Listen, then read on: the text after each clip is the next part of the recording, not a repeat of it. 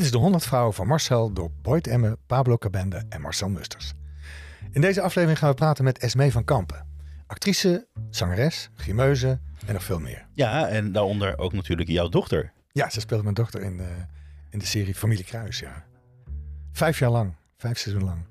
En ze heeft volgens mij ook het een en ander gedaan op musicalgebied. Zeker, ze was de eerste, dat, las ik, dat wist ik niet eens. Ze was de eerste, jongste uh, musicalster die ooit een award kreeg. En dat was voor de musical Hairspray. Hele mooie eh, musical. Ik heb hem niet gezien met haar, maar wel ooit eh, met John Travolta. Ja, oh, die speelde toen ook een vrouw, dat ja, weet ik. ja, ja, ja. En, en, en wat wil je dan zo graag van haar weten? Waar gaan we het over hebben? Ja, ik ben, eh, ben benieuwd naar heel veel dingen. Ik zag dat ze ineens vol tattoo stond bijvoorbeeld. Dat was nog niet toen wij draaiden. Dat is een paar jaar geleden eh, dat wij draaiden. Dat- ze een enorme fo- following heeft op eh, Instagram. Ben ik ook benieuwd naar, want ik weet er eigenlijk heel weinig van van Oh, Instagram. het is ook een heel heuse influencer natuurlijk. Ja, ik denk dat ze een soort influencer is dan. Ja, ja. Een, een tegendraadse influencer, dat vind ik heel erg leuk. En eh, ik, ze stond laatst nog op, eh, op de cover van de Linda in badpak. Met eh, drie andere, twee andere dames. Dat vond ik ook heel eh, gedurfd dat ze dat deed. Want het is een stevige tand. Ze is een, ze is een stevige dame en, en dat eh, gebruikt ze. Ik, waar ik bijvoorbeeld ook heel erg benieuwd naar ben, is dat ze, ik heb er in de film Loft gezien. Dat was een van haar eerste filmervaringen. Daar moest ze een seksscène bloot doen. en dat vond ik heel heftig om te bedenken dat als je jo- zo jong bent, Ja. zo kwetsbaar, ja, begint je carrière. Ja, ja, ja. Dus daar ben ik benieuwd naar wat ze daar, hoe ze dat heeft ervaren. Nou, we gaan het horen. Ja, we gaan het horen.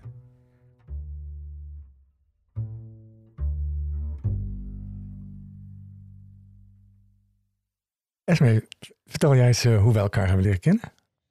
Ehm, nou, eh, ik was uit in. eh, nee, Oh ja? nee wij hebben elkaar leren kennen op de set van Familie Kruis. Jij speelde mijn hele lieve, leuke vader. Ja, Zo weer vijf jaar geleden. Nee, veel langer geleden. heel langer geleden. 2012 gingen we starten. En 2013 zijn we echt gaan draaien. Klopt. Ja. Maar we hebben best een leuke tijd gehad. We hebben een daar, hele leuke tijd gehad. Ik vond het fantastisch. Wij waren altijd aan het draaien in Oudorp. En dan hadden we een draaihuis. En dan hadden we een, een draai... Ja, in ons vak noem je dat een holding. Waar je dan de kleding hebt en de make-up. En waar je dan even kan eh, uitrusten van de prikkels, zeg maar. En we hebben nog heel veel lol gehad. Want ons draaihuis, dat was natuurlijk helemaal gezet.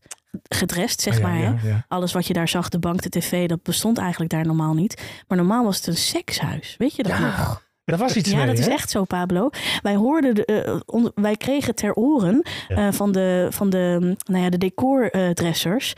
die, eh, die vonden dus heel vaak condooms Oh, dat weet ik in de, niet in, de, in de tuin. Weet je dat niet? Nee, ik weet wel dat er zo'n zo'n Boeddha-beeld was met en een schuurtje. En daar konden we niet in, geloof ik. Ja, maar in, Met dat in- riet. ben, je nooit, ben je nooit in de garage geweest? Nee? In de garage stonden dus... Nee, maar jongens, dit was Daar echt zo. al In de het tuig. garage stond al het sekstuig. Oh, Serieus? wauw. Heb je daar nooit naar gekeken? Nee, weet ik helemaal niet. Ik was me altijd elke, elk jaar verwonderd of er weer nieuwe tuigjes kwamen... en of er nieuwe pijnbanken waren of nieuwe seksspeeltjes. Wauw. Maar daarom vond ik het altijd zo vies om daar naar de wc te gaan. Oh, dat is... maar goed dat ik het En- niet wist. Ja, Hoe wist- ben jij bij Familie Kruis gekomen? ik, ging, ik was net bezig met mijn tweede musical. En eh, ik had al wel eh, één klein rolletje gehad in de film Loft. Eh, en dat, dat, dat was mijn enige ervaring in Heb de... ik u net verteld in Lof. Was dat met Gijs Naber? Ja, was met Gijs Want ik herinner me die scène heel goed. Volgens mij was ik op de première en toen zag ik jou voor het eerst. Toen dacht ik, wauw, wat een lef. Ja. Want jij had een seksscène, als ik me goed herinner, dat je op Ja. Gijs zat, bloot ook. Ja. Maar hoe, hoe was dat dan? Want het, het lijkt me, dat was je eerste film. Ja, Nee, was mijn eerste, was mijn allereerste filmrol en ik meteen naakt. Ja, En dit was in een, in een tijdsbestek van drie dagen. Dus ik had zo weinig eh, tijd om daarover te relativeren en te kijken of het wel paste bij mij. Ik had ook nooit voorzien wat de gevolgen daarvan ja zouden wat zijn. waren de gevolgen? dat heel veel mensen herkenden mij, omdat ik ook ten tijde van dat de film uitkwam, deed ik ook een plusreclame.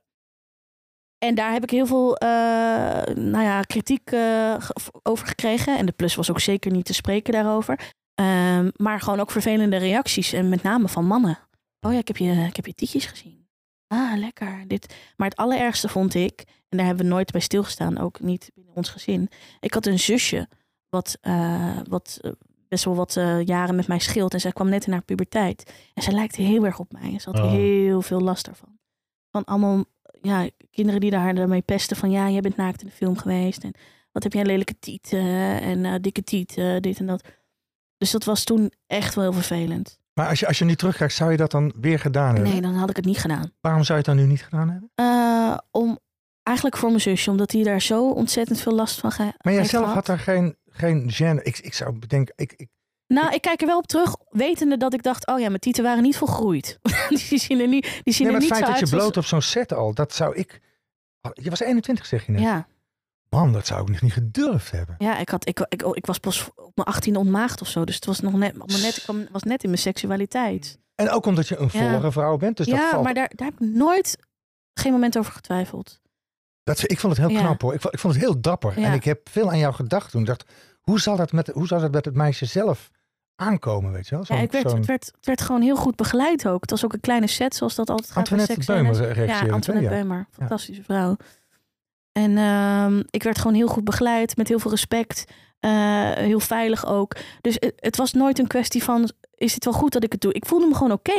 En ik voelde, was zelfverzekerd. En ik dacht, dit is gewoon, ik maak gewoon kunst en het hoort erbij. Eh, Dit verhaal moet verteld worden. Want eh, nou, tegenwoordig als, als iets, ook als ik naar films kijk of als ik zelf iets moet doen, dan vraag ik me echt af of de seks die je ziet, of dat wel echt functioneel is, of dat nodig is om een verhaal te vertellen. En terug, terugkijkend zou, had ik het niet gedaan, maar dat is meer voor de impact die het heeft gehad op mijn zusje. Ja, ja. Uit wat voor familie kom je eigenlijk? Een hele, eh, hele, ja, het is altijd pittig. Ik, eh, een, een, een, een gezin met vier kinderen, twee meisjes en twee jongens. En ik ben de oudste. En mijn zusje is dan de jongste. En ehm, ja, het was altijd een extreem druk gezin. Maar dat is omdat iedereen hele sterke persoonlijkheden heeft en sterke karakters. En dat botst, maar ook weer niet. En eh, ook wel de partners van, eh, van, van de kinderen dan, die de- tot nu toe eh, de, de, an, an, an- geampasseerd zijn, zeg maar. Die zeggen ook, het is wel heel intens om bij jullie in het gezin toe te treden. Ja. Ja. En toen het bij jou heel duidelijk werd dat je actrice wilde worden, was het ook helemaal geen, geen issue bij jullie thuis? Nee. Nee, mijn, mijn ouders hebben altijd, al vanaf dat ik me kan heugen, toen ik klein was, altijd gezegd: je mag actrice worden, maar het is heel hard werken en het zal echt niet makkelijk zijn. Maar ze hebben me altijd zo ontzettend gesteund. Maar je wist dat al heel snel dat je dat Ja. wilde. Ja, ik wist dat al heel snel. En, en weet je hoe dat kwam? Waarom, waarom je dat wilde? Ja, ik weet het, het, het de pivotal moment weet ik nog. Want ik, ik was eh, met mijn moeder mee naar de musical The Phantom of the Opera in Scheveningen. Toen de tijd gingen mensen nog eh, in tenue de viel, echt in pakken. En in prachtige, prachtige kledij, echt chic, gingen ze naar theater. Dat, want het was echt uit, het was een beleving. Dus ik had mijn eh, mooie zwarte jurkje aan met mijn rode lakschoentjes. Hoe oud was je? Acht, Heel jong, ja. heel jong. En, eh, en ik zat zo ingezogen in dat verhaal van de Phantom... dat het spook van de opera Christine meenam in haar bootje... door de spiegel heen. En ik riep echt... Nee! Nee, jij mag haar niet meenemen! En ik kroop echt drie rijen verderop... kroop ik om haar te halen, zeg maar, van het toneel. Mijn moeder schaamde zich kapot. Want ze hadden natuurlijk best wel goede plekken. We zaten midden in die zaal, dus iedereen keek. Nou, het is natuurlijk niet, het is echt vreselijk. Dus mijn moeder zegt, Esmee, Esmee, Esmee, Esmee. Het is een verhaal. Het is niet echt. Het is, een, het, is, het is nep. Mensen doen dit voor centjes. En toen dacht ik, ting. Mensen doen dit voor centjes. Oh, dat wil ik ook wel. Ik wil ook wel een mooie jurk. En ik wil ook wel mooi kunnen zingen. Dus toen is het bij mij zeg maar geïmplementeerd dat ik, ah, ik denk, oh, dit kan ik doen. En toen begon ik ook op mijn achtste op de jeugdtheaterschool. Echt naar aanleiding Ja. van die, van die Ja. voorstelling. ook. Ja. Ik was ook een heel druk kind. En ik zat al op turnen, ik zat al op wedstrijdzwemmen en ik zat op korfbal. Dus ja, eh, toneel komt er ook nog wel bij. ja, ik had elk, elke dag had ik wat te doen na school. Ja, want ben je over, hoe noemen ze dat? Eh, overactief kind? Of hoe- ADHD? ADHD? nou, dat is nooit bij mij geconstateerd, maar ik heb altijd wel gehoord dat ik te druk was. Ik mocht bijvoorbeeld ook, ik weet nog heel goed, eh, dat de moeder van mijn eh, nog steeds beste vriendinnetje, die ik al heel mijn leven ken, zeg maar, die zei, ja, Esmee, we hebben jou niet uitgenodigd dit jaar. Jij bent echt veel te druk, dat kan ik niet aan. Oh, jeetje. Ja. Dat is lullig. Ja, en dan, en dan moest ik, eh, als ik dan op feestjes mocht komen, dan moest ik altijd van de ouders stil zijn. Ik, ja, dat weet ik nog wel. Maar dat heeft niet zijn sporen achtergelaten bij je. Nee, ja, ik vond het toen heel erg, omdat ik niet mezelf kon zijn. Ik kon niet lekker luidruchtig meespelen. Of als ik dan een idee had wat we konden gaan doen, of we konden dit gaan doen, dan durfde ik dat nooit aan te dragen. Want ik dacht, ja, dan ben ik weer te luid. Ik heb me altijd aangepast naar wat gewenst gedrag was volgens anderen.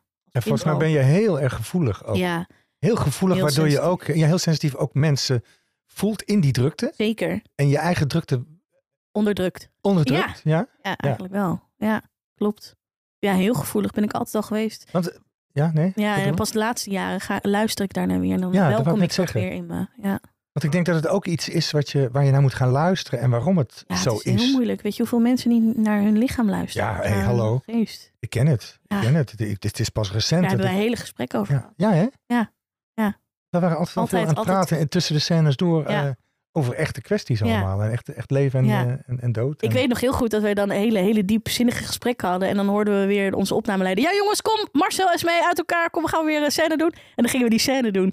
Twee minuten later. En dan, en dan was het Marcel weer degene. Maar dus, ehm, ja, jij voelt je dus ook zo. En dan gingen we gewoon weer verder. Ja, ik herinner me vooral bij, bij familie Kruis dat ik, dat ik dacht, oh, zij is druk omdat ze zich aan moet zetten. Of je zet je aan om dat werk te kunnen doen. En dat herkende ik op een andere manier, maar ik herkende de basis daarvan. En ik dacht, dat, gaat, dat moet zij op een gegeven moment ook gaan veranderen, want dat nekt je. Ja, wat goed dat jij dat zag. Je, je ging aanstaan. Maar je hebt het ook Op- nooit tegen mij... Jawel, ik heb het wel gezegd, maar dat Ja, kwam niet maar- aan omdat ik het ook niet op deze, in deze woorden zet, Ja. zei. Want ik wist het zelf nog niet precies hoe het zat bij mezelf Ah, ook. ja. Ik, ik zou juist ook denken, en misschien is dat ook wel het geval, dat als je inderdaad zo'n hele drukke natuur hebt en die moet je steeds onderdrukken, dat je misschien juist als acteur of actrice dat dan weer los kan laten gaan. Is het voor jou een soort van uitlaatklep geweest dan? Ja, enorm. Ja, het is echt een uitlaatklep geweest. Ik, ik, kon, ik kon verdwijnen uit, eh, uit mijn eigen ja, sores. Hoor je heel veel mensen uit het vak zeggen dat je even niet jezelf hoeft te zijn. Dus dit was inderdaad een uitlaatklep. En eh, eh, ik heb mezelf, eh, omdat ik altijd, mensen denken altijd als ze, als ze mijn naam zien of, of, of mij zien op tv, denken ze, oh, die vrolijke, leuke actrice. Maar dat is altijd een soort overcompensatie geweest. Ja, maar dat denk Om- ik, heb ik nooit bij jou gedacht. Nee, nee? Ik heb altijd gezien dat daar ook nog iets achter zit wat jij niet wil laten zien of wat je zelf nog Ja, niet ontdekt hebt in jezelf. En dat, je, dat dit je manier was om je naar buiten toe te... te Ja. Omdat dat waarschijnlijk vroeger je iets gegeven heeft. Ja. Nou, het is ook een verwachtingspatroon wat ik dan wil wil invullen voor de mensen. Ja, ja, Ja, ja, dat zeker. herken ik heel erg. ja.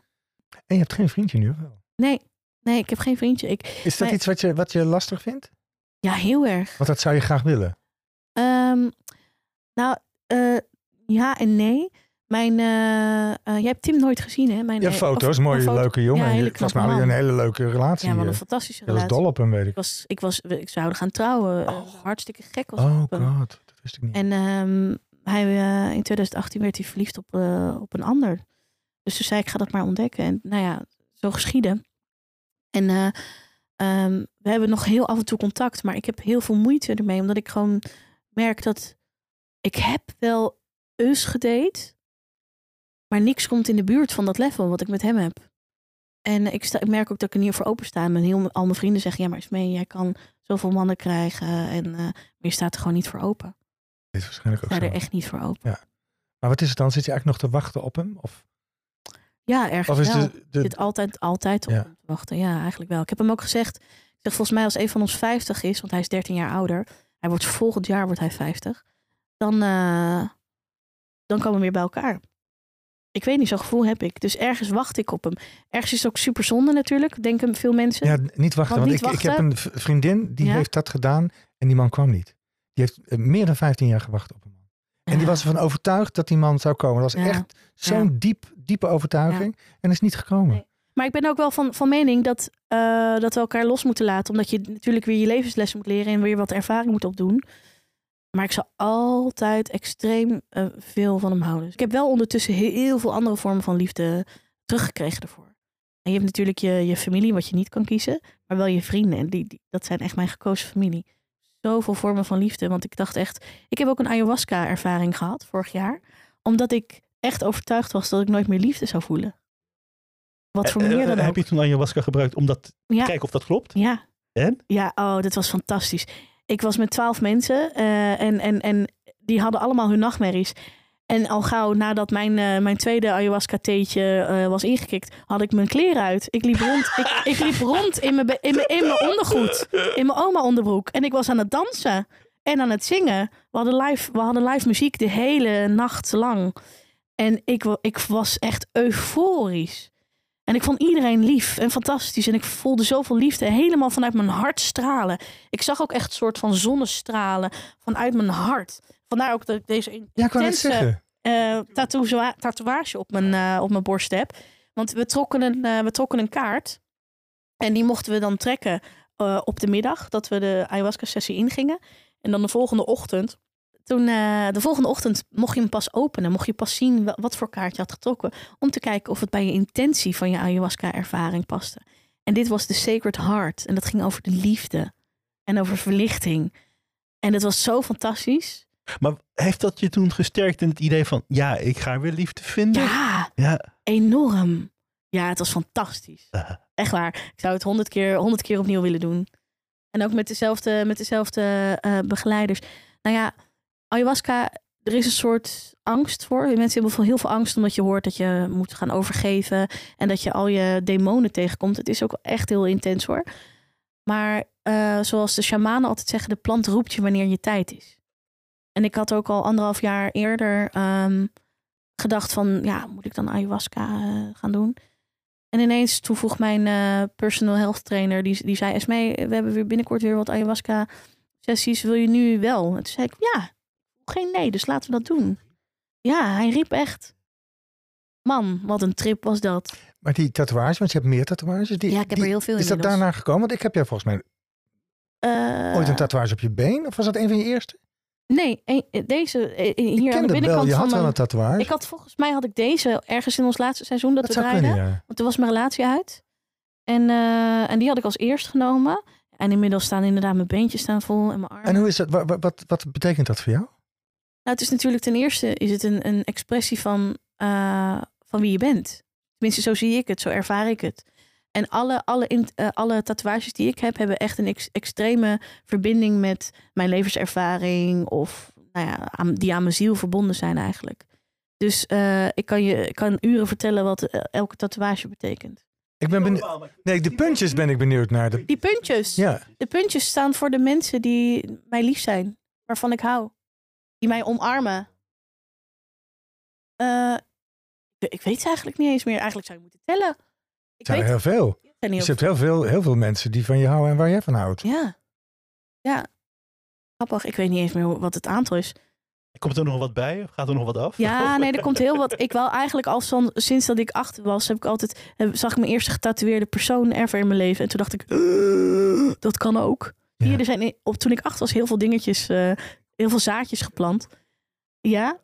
En, en ik, ik heb altijd gezegd, mama, ik ga tatoeages. Zegt ze, als je, als je maar laat. En eh, niet onder mijn dak. Oh, en hoe reageert ze nu dan? Oh, ze vindt het vreselijk. En nu Oh, zeg ja? ik het ook niet eens meer. Oh, Oh. Ik zij weet dat ik er eentje had op mijn bovenbeen, maar niet dat ik de ander had gedaan. Want ik dacht, ja, zij is zo teleurgesteld als ik mijn tatoeages zet. Eh, en ze schaamt zich er zo voor, dus ik had het niet verteld. Totdat ik ehm, eh, heel erg ziek was. Weet jij trouwens dat ik een hormoondisbalans had? En dat ik heel erg ziek ben geweest? Niet dat je heel ziek, maar wel Oh. dat je een hormoonbalans... Ja. Ik, ik weet toen ook dat je glutenvrij moest eten en Ja. allerlei dingen. Ja, dat soort dingen. Nou ja, eh, ik liep ondertussen na Familie Kruis, dan ben ik bij een privékliniek, eh vrouwenprivékliniek beland. Omdat ik gewoon echt eh, heel moeilijk kon, kwaliteit van leven had vanwege mijn hormonendisbalans. En ik lag daar op de onderzoekstafel en ik moest natuurlijk in die stoel met mijn broek uit. En mijn moeder was mee, want ik kon gewoon niet rijden van de pijn. En het was gewoon fijn dat je moeder dan mee is. Was vergeten te zeggen dat ik wat tatoeages erbij had. En ik lag daar helemaal naakt. En zij had mijn hand vast. Ze zegt, wil je, zal ik je een hand geven? Ik zeg, ja, is goed. Dus ik ging zo ondertussen zo half, eh, half die stoel in naar achteren. en ik zie dat mijn moeder mijn tatoeages ziet. En ze, ze, ze krampt, verkrampt mijn hand. En ze, ze, ze knijpt zo hard in mijn hand. En toen dacht ik, oh ja. Ik zei nog, oh ja, sorry mam, ik heb heel veel tatoeages. maar dat, de, de, de, de bizarre van die situatie, dat ik dus naakt ben. En dat ze dat we bij de gynaecoloog liggen. En dat ze dan dus erachter komt dat ik getatoeëerd ben. Daar had ik even wat meer over na moeten denken, zeg maar. Maar wat vindt zij er erg aan dan? Wat vindt ze erg? Ja, zij zegt, kind, ik heb je zo perfect gemaakt. Is ook zo Je hebt niks nodig. Eh, en ehm, we hebben ook wel eens een keer een gesprek gehad dat ze het best wel moeilijk vindt. Omdat zij weet hoe moeilijk ik bekendheid vind. En dat mensen naar me kijken of over me praten of dat soort dingen. Gek hè, dat je het dan toch wil Ja. zijn. Nou nee, ik heb het nooit willen zijn. Nou ja, als je als kind wil, je wil jezelf tonen. Ja, ik heb altijd dus mensen je wil blij dat willen mensen maken. wel nee, ja, blij willen Ik, maken. ik ja, heb ja. altijd, vanuit, vanuit, altijd gezegd, ik wil mensen blij maken en dat met mensen delen. Maar ik heb nooit gekozen om bekend te zijn. Ik ben stront jaloers op collega's van ons die dan gewoon lekker over de straat kunnen. Zonder dat ze... Ik kan dat ook wel hoor. Ja? Ik denk dat het heel erg ligt in hoe je jezelf naar buiten toe eh, Nou ja, en, en bijvoorbeeld, we hebben ooit het programma De Kroongetuigen gedaan. Dat zou ik nu nooit meer doen. En jij hebt, ik, ik las ook De Verraders, ik ken het hele programma niet. Klinkt meteen als een heel akelig programma, eerlijk gezegd. Maar dat doe je dan ook wel. En daar word, daar word je juist een bekende Nederlander van. Ja, maar eh, heel eerlijk, eh, bij mij moet er gewoon ook nu, eh, er is nu een soort van, eh, ik moet ook gewoon een brood op de plank. Ja, ja. En dat is toch, je, je, je kiest daar toch ook wel weer je, Maar is het, is het, voor. is het, ik, ik kan me ook wel herinneren dat jij je wel eens niet vaak over geklaagd hebt, over die bekendheid. Weet je wel, je kan niet over straat en mensen herkennen je. Je op een praatje aan of zit toch een beetje besmuikt naar je te kijken. Is het misschien ook een kwestie van gewenning? Moet er wat tijd overheen gaan voordat je ermee kan leven? Nee, dat vind ik ook niet. En ik denk ook dat het individueel ook echt een ding is. Eh, ik denk dat er ook nog een veel verschil zit in tussen man en vrouw. Ja. Omdat vrouwen toch wel sneller geobjectiveerd worden dan mannen. Ja. En dan ook nog in inderdaad hoe je uiterlijk is. Want Heb je daar veel van? ja, je bent natuurlijk voor zijn vrouw. ja, heel veel. Ach, zoveel. Maar jij, je bent natuurlijk veel opvallender ook dan de gemiddelde bekende Nederlander. Ja, Waardoor ze jou onthouden en mij niet. ja. Snap je? maar ik, ik, snap, ik heb nou nooit begrepen waarom dan. Is dat dan echt vanwege mijn uiterlijk? Of is dat vanwege mijn energie die ik meebreng? Ik De hele steeds- combinatie, denk ik. Nou, ik weet, ik denk volgens mij heeft het toch wat te maken met het vrouw zijn zelf hoor. Ik bedoel, als je dan kijkt naar misschien ook wat grotere acteurs, gewoon letterlijk, wat voorstere acteurs. Ik weet niet of ze nou ook zoveel aandacht of negatieve aandacht krijgen als iemand als, als, als mee. Als je kijkt naar, hoe heet die, die, die, die, die acteur die, eh, die André Hazes speelde? Ehm, oh, Mar- Martijn, Oh, die is Martijn niet zo, Fischer. die- Nou ja, Martijn, Martijn Fischer is, is, is, niet, eh, is niet heel dun of zo. nee, Maar ook niet heel dik. nee. Is niet... Nee. Maar ik, zou- ik zou het ook niet weten hoe dat voor Martijn bijvoorbeeld is. Ik kan alleen- natuurlijk vanuit mijn eigen perspectief eh, praten of vertellen. En dat is gewoon dat dit... Ik, het is een heel makkelijk doelwit, maar dat is al vanaf mijn Ja. jeugd. Ja, dat lijkt me zo heftig. Dus jij, want je was eh, van kleins aan ben je stevig geweest. Ja, ik heb heel veel... Ik heb, eh, als je mijn kinderfoto's ziet, zie ik heel dun dat ene jaar, dan weer, dan weer dik. Oh, dat ook En toen eh, met terugwerkende kracht begrepen we dus dat ik een enorme hormonendisbalans had. Dat mijn lichaam mijn, mijn eigen aanmaak van hormonen niet kan En controleren. daar kan niet iets, daar kan, kunnen ze niks aan doen. Eh, nee, ja, eh, ik kan, eh, ehm, ik kan afvallen, maar dat is dus het probleem. Mijn hormonen zetten zich om in vet en dat is dat, ja, ik, ik blijf constant op dit gewicht, zeg maar, in deze vorm. Dus dat is heel lastig. En het is natuurlijk ook risicovol om weer te denken aan, eh, want je, ik kan wel heel snel afvallen, kan ik, maar het behouden is echt een ding. Precies, dat moet je Ik, helemaal ik, niet heb, doen. ik kan sporten wat ik wil en dan kan Ja. ik echt afvallen. Ik heb bijvoorbeeld, heb ik gedaan. Ik heb alle diëten gedaan en zo. En Ja. natuurlijk in mijn jeugd of in mijn gezond. tiener. Het is gewoon niet gezond. En ik kan ook wel kiezen voor een, hè, een operatie, gastric sleeve of een bypass. Maar er zitten ook zoveel risico's aan. En zeker met mijn hormonendisbalans. Dat het gewoon heel tricky is om dat te doen. En ik heb ook nooit, ik heb, ben zoveel gepest, maar ik heb altijd vanuit mijn moeders kant meegekregen dat er niks mis met me is. En dat heb ik altijd ook geloofd en ook geïmplementeerd. maar betekent dat ook dan dat je je ook misschien haast door de omstandigheden gedwongen als een soort van voorvechter ziet voor iets als body positivity? Of heb je zoiets van, nou, het kan me ook geen reet schelen? Mm, Nou, het is, het, is, het is me veel gevraagd, omdat het toch altijd een soort van hot topic is. Ja. Ja. Het is ook en zo ik heb- stom, want je ziet het. Je, ik bedoel, ja, mensen kunnen van alles van binnen hebben en dat Ja. zie je niet. Maar je ziet, ja. en dat, Ja, ja, dus daar wordt op mensen, gereageerd. Mensen gaan altijd uit van wat ze zien. ja, ja. En wat, wat, wat aantastbaar is. Hè? Dus, eh, dus ja, ehm, ergens, ergens wel. Ik weet nog heel goed dat ik eh hairspray deed toen ik 21 was. En dat Jim Bakken was mijn tegenspeler. En Jim was toen echt wel... eh, Jim is altijd heel bekend geweest. Maar Jim zei ook, ja Esmee, jij, jij kan zoveel positiviteit brengen voor de vrouwen die onzeker zijn. En jij kan echt een boegbeeld zijn. En dat, dat zag ik zelf echt nog niet zo. Ik dacht, ik ga lekker mijn eigen ding doen. En, en ja, ik, eh, ik zou mezelf nooit zo omschrijven. Nee, maar je bent het wel en dat hoef je maar ook ik ben helemaal niet te het voor zijn. heel veel mensen en dat weet ik ook echt ja, wel. dat is juist mooi eraan, En het- vind ik. Maar Het doet me wel, het doet mijn ego, moet ik altijd even goed zeggen. Heel goed als mensen een DM sturen en zeggen: Oh, mee door jou durf ik vandaag een badpak aan te trekken naar het strand. Voor mij is dat, ik denk er niet eens meer over na. Een badpak of Ja, dat maar ik dat vind ik juist loop. goed. Dat jij daar niet mee bezig Ja, maar bent, daar ben ik maar. nooit mee bezig geweest. ja, maar dat, nou, top. en dat, dat, dat- daar moet ik echt mijn moeder voor bedanken. En, Ja. en de omgeving, want die was altijd, was altijd heel veilig. Ja. Eh, ook al werd ik heel erg gepest of whatever.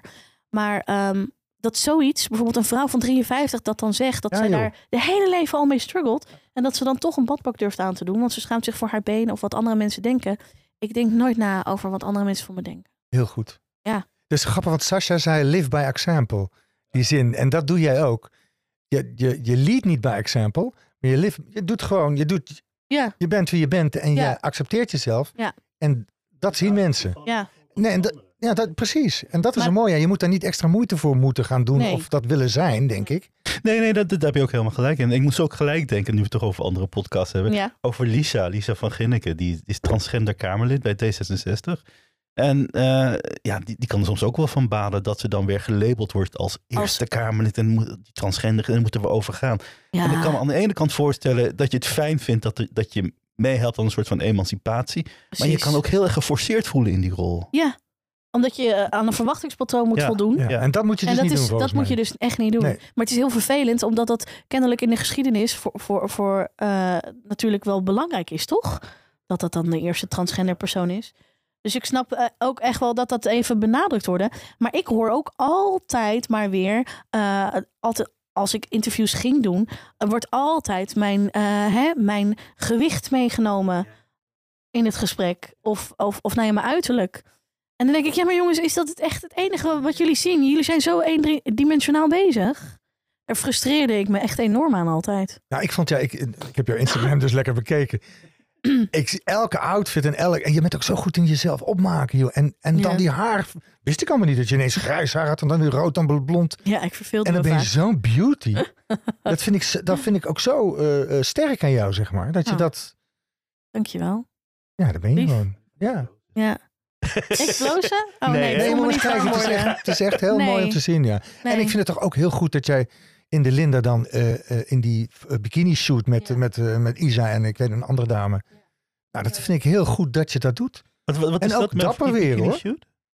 Zeg je, Wat, wat was dat over die bikini Eh, shoot? vorig jaar ehm, heeft de Linda gevraagd of, eh, dat was echt een heel ding, eh, of eh, ik eh, een van de cover eh, eh, modellen wil zijn van hun, van hun magazine.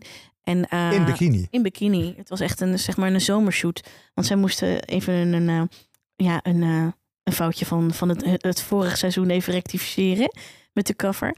Want dat Ehm, was Linda toen, hè? dat was Linda in die dan inderdaad geretoucheerd was. Wel En- geretoucheerd, ja, ja. en daar is heel Nederland dan overheen gevallen. Dus ja, dus ze wilde even eh, eh, het wat beter aanpakken in de zomereditie. Dat schijnt altijd een ding te zijn voor magazines, een zomereditie. Het is altijd een grote productie en er wordt hele portemonnees Dubbel dik nummer. Ja, dubbel dik nummer.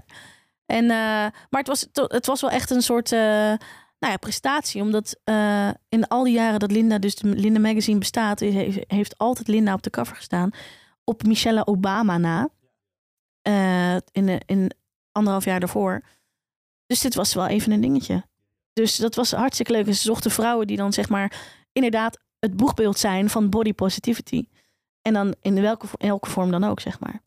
En hoe zijn de reacties? Heb je veel reacties erop gehad? hebt echt booming veel reacties gehad. Het was ook echt enorme media coverage. Het was ook echt op heel veel talkshows en eh roddelpraatjes was het allemaal veel, veel, eh, veel, eh, veelvuldig gesproken. En, maar het allerleukste was, en dat heb ik ook in het interview toen de tijd gezegd, van als er ook maar één vrouw denkt of één man denkt, ik ga dit dit jaar mijn zwembroek aandoen en ik ga gewoon zorgeloos naar het strand, dan daar doe ik het voor. Voor jou doe ik het. En ik kreeg zoveel berichten van mannen en vrouwen. En alles wat er tussenin zit. Die zeiden van nou, je bent echt een inspiratiebron. En dat vind ik dan fijn. Oh ja, geweldig. Ja, Dat, ik doe het er niet voor. Maar ik vind het fijn. Want het is ik, bijvangst. ja, het is, Ja. het is precies wat je Ja. zegt. Altijd, het, voelt, het voelt altijd heel fijn om mensen blij te maken met iets kleins. Als het, als het weinig energie voor je kost. Maar zoveel brengt voor een ander. Dat vind ik echt zo'n cadeautje van het leven. Prachtig. Hey, en je, je, je speelt nu niet. Je, hebt, je zei net eh, voor het gesprek dat je niet veel eh, hebt gefilmd of Nee. gespeeld. Nee, Want klopt. je zou eigenlijk een eigen show gaan doen. Ja, ja ik zou eigenlijk ehm, eh, in 2020, 2021 zou ik mijn eigen theatershow gaan, gaan maken. Dat mocht ik door Senf maken, een enorme producent. En die geloofde in mij. Die zeiden, ja, is mee. Jij bent zo talentvol. Eh, ik had bij hun een cabaretvoorstelling gedaan van een jaartje met twee mannen. Oh Met die twee mannen, ja. superleuk. Dat, was, dat vroeg ik me nog af, ja, of je dat leuk had gevonden. Zo leuk. Dat ging je toen doen, ja. Ja, het was echt fantastisch. Want ik had, ik had best wel wat. Ik ben heel erg ziek geweest bij Sister Act in 2012 en 2013 en 2014. Waardoor ik dacht, ik ga geen theater meer doen.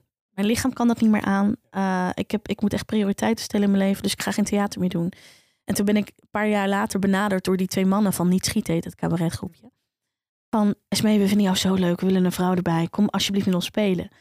Ik zeg, ja, ik zeg sorry, maar ik, ik, ik heb gewoon bedacht dat ik dat voorlopig echt niet meer ga doen. Maar laat me je dan even lunchen, laat me je dan vertellen. En dat was eigenlijk zo'n leuke lunch.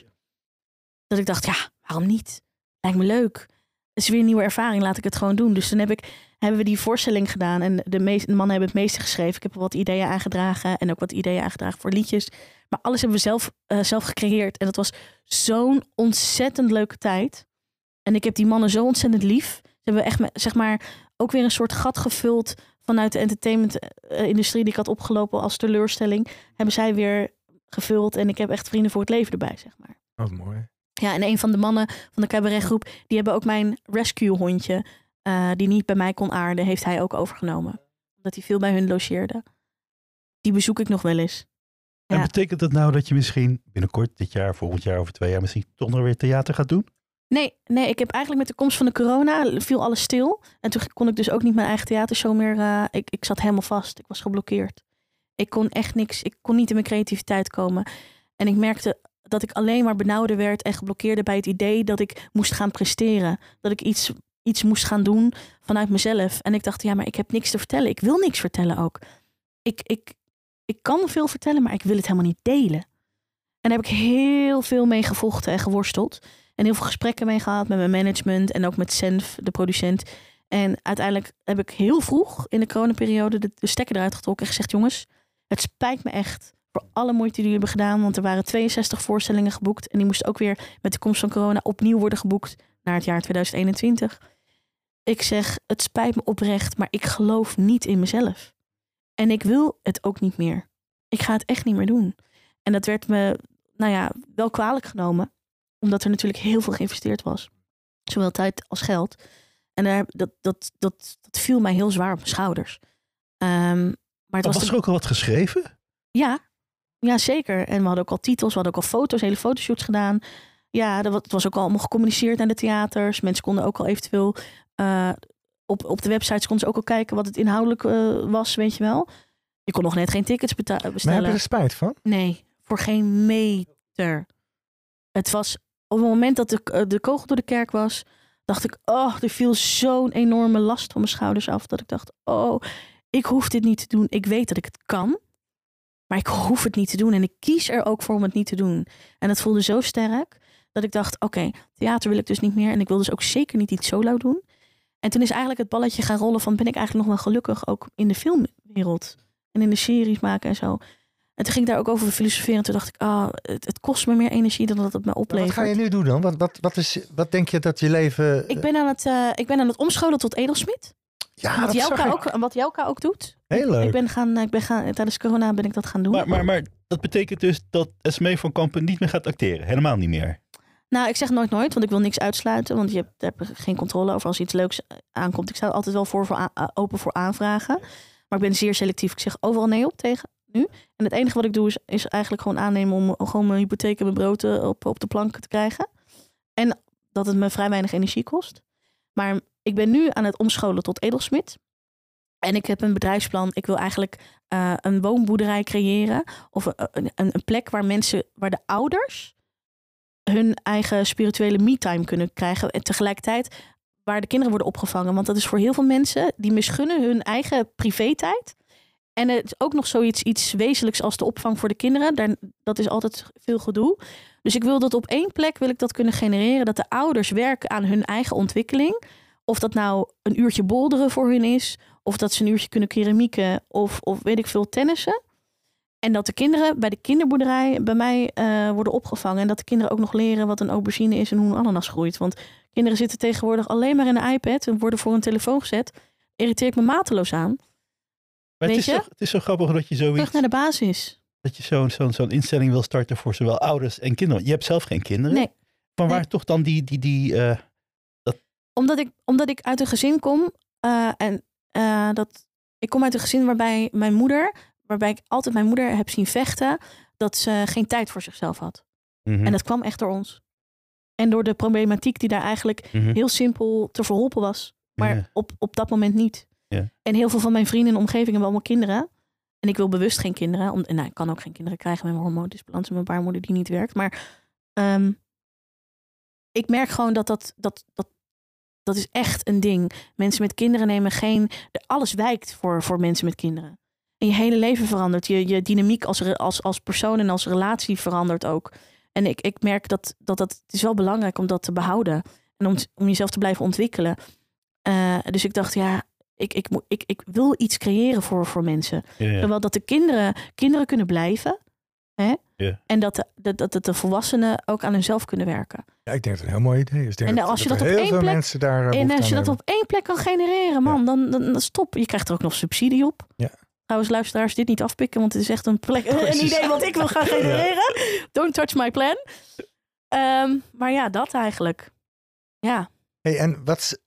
Trouwens, we hebben samen nog in, uh, in Zweden gezeten, weet je nog? Ja. Voor zo'n Wie is de Mol-achtig programma. Hoe heet het ook oh, weer? Ja, um, het. Ja. Dat was voor mij een crime. Dat is echt eens en nooit meer. Ja, ik, ik heb precies hetzelfde, maar ik heb toch de verraders weer gedaan. Maar ja, dat was ook omdat ik geld nodig had. De verraders klinkt nog erger, moet ik zeggen. Het is ook wel veel erger. Ja. Veel, veel, veel erger. Ik vind het zo erg dat het altijd gaat over het slechte in iemand. Dan moet je dus heel slecht zijn, wie de beste slechtste is. Ja, maar ja, ik weet nog dat jij... Ja, maar dat is inherent aan dat soort programma's. Ja, maar ik begrijp niet wat daar de rol aan is. Dat vind ik gewoon heel naar eigenlijk. Maar ik weet nog heel goed dat jij toen wij krooggetuigen deden, ik was de krooggetuige. Ja, verdomd. En ik wist van niks. Nou, jij wist van niks, maar we konden het natuurlijk niet zeggen. En ik weet nog, ik wist als enige wel wie er allemaal meedeed.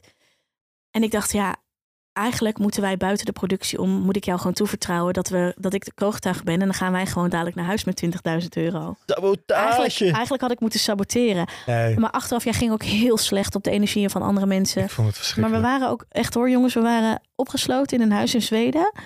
En we moesten dan vaak om acht uur s ochtends al aan het ontbijt zitten, helemaal klaar. En het ontbijt was niet goed geregeld. Want die mensen, die, die Zweedse mensen, snapten niet hoe, hoeveel energie we nodig hadden. Echt zeg maar aan vezels en aan voedsel überhaupt. En dan tot een uurtje of uh, tien waren we vaak aan het draaien. En je had geen, geen, geen muziek, geen televisie, geen nee, telefoon. En dat had ze helemaal niet tegen mij gezegd. Nee? Nee, dat wij, en dat we s'avonds ook nog gefilmd zouden worden. En we, oh. had ze niet tegen mij gezegd. Wel dat er gefilmd zou worden, maar dat je ook privacy kan hebben. Ja, en dat, dat, was er helemaal niet. Dat, dat, vond jij zo heftig. En ik, ik zag jou ook echt heel erg struggelen. Maar dat was omdat ik een luxe positie had. Ik was natuurlijk de getuige. En ik, ik wist allemaal, voor de helft wist ik wat er voor dingen allemaal gebeuren zou. Maar je werd dus gebriefd ook elke dag nog uh, op een bepaald... Niet, niet alles. Ik ben voor de helft gebriefd. Ik wist op de dag... Uh, op de dag dat we dan weer gingen draaien, wist ik soms wat mijn missie was, hoe ik moest kunnen saboteren. En soms wist ik het ook niet. Wie deed dat dan? Wie briefde jou? Als we dan in de, als we dan in de uh, confession booth zaten, Oh ja, daar dan in, moest het vertellen, in het schuurtje. Als je dan oh. vertellen, moest je vertellen of je tekst moest maken of de, of de test. Ja. Als je soms moest vertellen hoe je dag hebt beleefd. Ja. Of wat je moeilijk vond aan de dag. Of dat je de test moest maken. Dan werd ik gebriefd. What the fuck, zeg. Dan werd ik dus gebeld door onze kandidatenbegeleider. Die was zeg maar de tussenpersoon. En die belde dan met de maker van de kroongetuigen. En dan vertelde hij me wat ik goed deed en wat ik moest saboteren of dat soort dingen. Oh. Ja. En Monique, wist die, wist die Monique, Monique wist niks. Die wist ook niet dat jij Monique, het was? Nee, Monique, eh, niemand die wist presenteerde het. Die presenteerde ja, ja, ja. niemand wist het. Jee. Wat was Monique eng, hè? Oh, dat zeiden we nog tegen elkaar. Wat, dat ze zo eng dat presenteerde. Ja, dat kon ze wel... Uh... Ja, dat was heel eng. Hé, hey, luister eens. Wat, wat, wat zou jij nou uh, jonge mensen willen meegeven? Iets wat jij geleerd hebt en, en uh, ja. ja, nou ja, wat, wat, wat, wat fijn zou zijn voor jonge mensen om nou, te weten. Wat ik, de leeftijdsgenoten en de mensen die nu op mijn pad komen, daar heb ik een algemeen gesprekstof over. Um, het zou fantastisch zijn als je echt naar binnen toe gaat en kijkt naar je jeugdtrauma's en de gezinspatronen. Die moet je echt doorbreken, want het heeft gemaakt tot de persoon die je bent. En dat kan niet altijd um, ja, opleiden met wat je nodig hebt in je leven. Hoe je leven dan tot nu toe bijvoorbeeld op dit moment gemaakt is. Ik heb, persoonlijk heb ik echt gemerkt hoe, hoe, hoe ontzettend mijn uh, persoonlijkheid en karakter gevormd is door, door mijn uh, gezinstrauma's of, of nou ja, de, de, de patronen die zijn opgebouwd. Het is grappig dat je dat zegt, want ik heb de laatste tijd ontmoet ik heel veel mensen die het innerlijk kindweekend gaan doen. Precies, je moet je innerlijk en kind En dat ze daar veel aan hebben. Je moet je innerlijk kind op schoot nemen en dat gaan eigenlijk gaan helen. Want kijk, uh, uh, ouders doen het nooit goed. Hè? Dat, zegt, dat wordt altijd gezegd. Het is ook maar een momentopname. Maar ze kunnen toch altijd wel weer binnen in een gezin ervaar je toch altijd dingen die achteraf toch wel traumatisch zijn. Of die je weer houden om iets te doen. Om risico's te nemen of iets te gaan ondernemen. Omdat je vader of moeder dat nooit, ook nooit zo Ja, heeft Want geleerd. ouders Of hebben ook trauma's. Precies. Ja, Ehm, maar het is goed om dat te erkennen. Je hoeft het niet per se te vergeven of op te lossen of los te laten. Maar je mag er wel aan terugdenken. Omdat je ook, vind ik, kan kiezen om het anders te doen. Ja, ja. Mensen vergeten altijd dat, dat ze keuzes hebben. Of denken sta je niet. nou ook dan empathisch tegenover je ouders in die hele situatie? Absoluut. Mhm. Ja, ik weet. Kijk, ik heb dan eh, zelf al elf jaar geen contact met mijn vader. Omdat ik. Eh, hij had daar toen ik het hem vroeg, echt gewoon heel direct: wil jij nog een band met, met je kinderen? Haalde hij zijn schouders op en zei: hij, Nou, nee, niet, weet ik niet, niet per se. Mag ik vragen wat er dan is misgegaan? Is hij weggelopen uit het gezin of zo? Of? Nee, mijn, va- mijn ouders gingen uiteindelijk scheiden toen ik 18 was. Na heel veel aandringen van mij, ook naar mijn moeder toe, omdat ze echt ongelukkig was. En ehm, toen heb ik ook echt, eh, eh, nou, beide ouders, ik was altijd al wel. Eh, mijn moeder was heel, heel ambitieus in haar werk en studeren. Ze studeerde gewoon nog tot haar 43ste. En mijn vader, die werkte voor het leger, dus die was vaak op uitzending. Die heeft, eh, die heeft Irak gedaan en heeft Afghanistan gedaan en Bosnië en noem het maar op. Dus dat brengt natuurlijk ook trauma's met zich mee. Mijn vader kwam altijd alweer anders thuis van zijn missies. En dat nam hij ook weer mee in zijn gezin. Dus dat zijn, zijn heel veel opstapelingen van heel veel, heel veel levenservaring van zowel de vader als de moeder. En eh, dus we hadden altijd een oppas. En dan vier kids en een hond. Ja, dus dat zo, maar zoveel uren in een dag natuurlijk. En dan was er niet altijd tijd om over jouw dag te praten of over de dag van je broertje. Neem ik ze niet kwalijk, want het was hun leven, hè? Maar het Nee, heeft jou... het heeft wel eh, gevormd wie ik ben. Ja. En ik merk dat veel mensen dat ook mogen ervaren op die manier. En tuurlijk, als, als je echt iets, iets is aangedaan door je vader of je moeder of wie dan ook, dan mag je diegene ook echt wel daar verantwoordelijk voor houden. Want heel veel mensen leggen vaak de schuld bij hun neer. Kinderen, als ouders gaan scheiden, denken ook: komt door mij. Nee, lieverd, het komt niet door jou. Het komt echt door, door, door je vader en je moeder, of je vader, je vader of je moeder, moeder. Het komt echt door de persoon zelf. En de schuld ligt niet bij een kind. Nee, nooit. Ik denk dat denk ik ook. Maar en ik denk dat wel wil dat... ik echt meegeven. Maar hoe ouder je wordt, hoe meer je gaat inzien dat je ouders ook maar grote kinderen zijn. Precies. En als je dat kunt, weet je, dan kun je hun vergeven. We zijn allemaal maar wat elke keer aan het proberen. Wie, wie weet nou? Wie weet nou? Je bent nooit in controle. Daarom is het goed om het heft in, inderdaad Precies. in eigen hand te nemen en een. eh, Ga je eigen stroom, wil ik zeggen. Ga je eigen stroom. En, en, maar onthoud ook waar je vandaan komt. En dat heeft mij heel erg geholpen. nou, dat vind ik een heel mooi einde, toch? Prachtig einde. Dankjewel. schat. Jullie bedankt.